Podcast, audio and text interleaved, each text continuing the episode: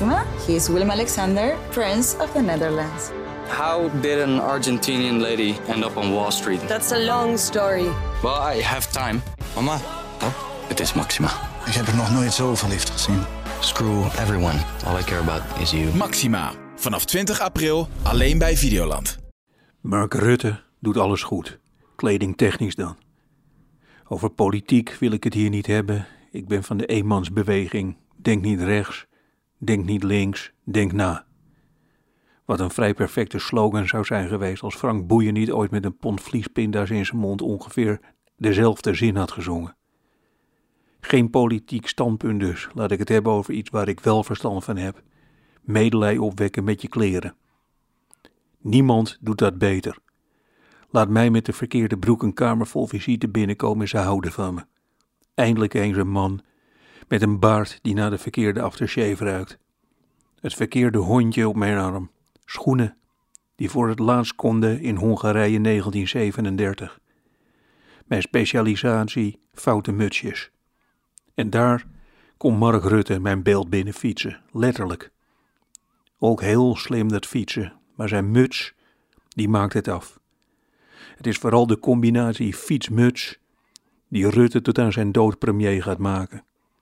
Maak van die fiets een elektrische autopet en alles is meteen kapot. Op een elektrische autopet draag je een ander mutsje. Slapper met een soort van halve drol van wol in je nek. Rutte draagt precies de goede muts bij het juiste vervoermiddel.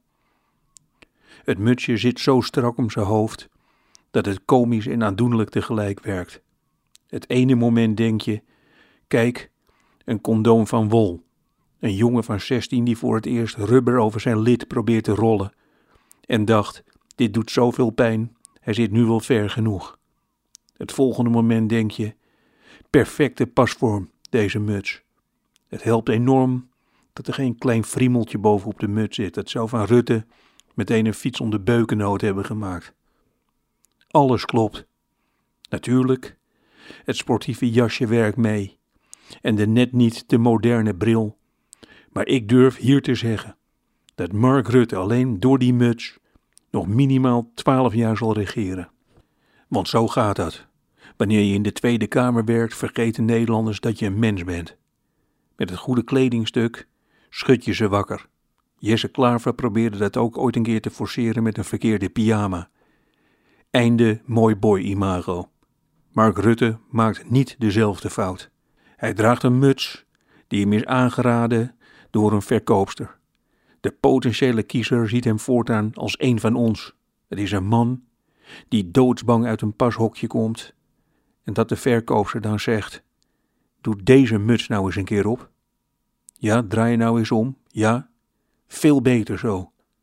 Veel minder lulletje rozenwater, maar nog wel een beetje.